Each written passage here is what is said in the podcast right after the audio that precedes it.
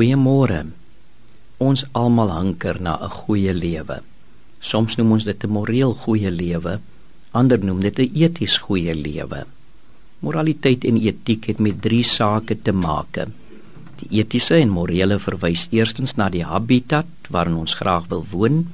Dit het tweedens te maak met die habitus en gewoontes wat ons graag wil beliggaam en dit dui derdens op ons handelinge en keuses. Die etiese en die morele het te maak met ons habitat, ons habitus en ons handelinge.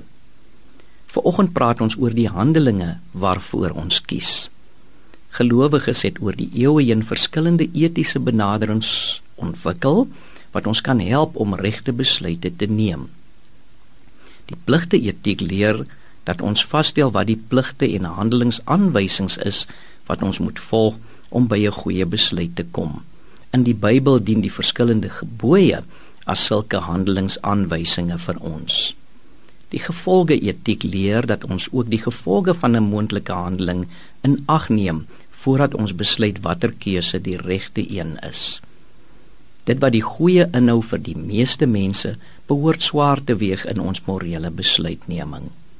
Die waarde etiek leer dat ons moet kyk na daardie dinge wat swaar weeg vir mense in 'n spesifieke konteks en tyd waarde soos menswaardigheid sal in ons dag en in alle tye swaar weeg in die keuses wat ons moet maak. Die verantwoordelikheidsetiek leer dat ons moet vra wat die dinge is wat ons nou eenvoudig moet doen ten einde 'n beter samelewing agter te laat vir die geslagte wat na ons kom. Ons moet nie net vra wat reg is vir ons tyd nie.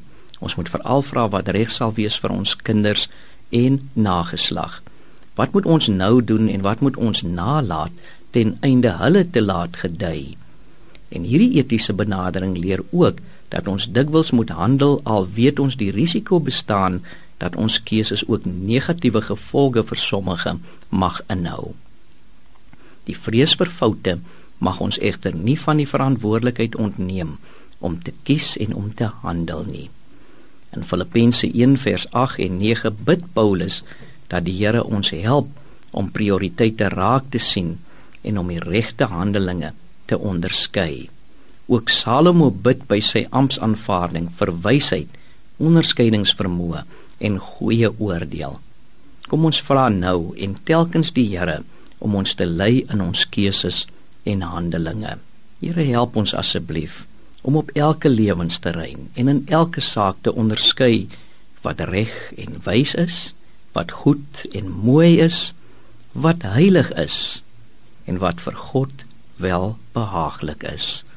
Amen.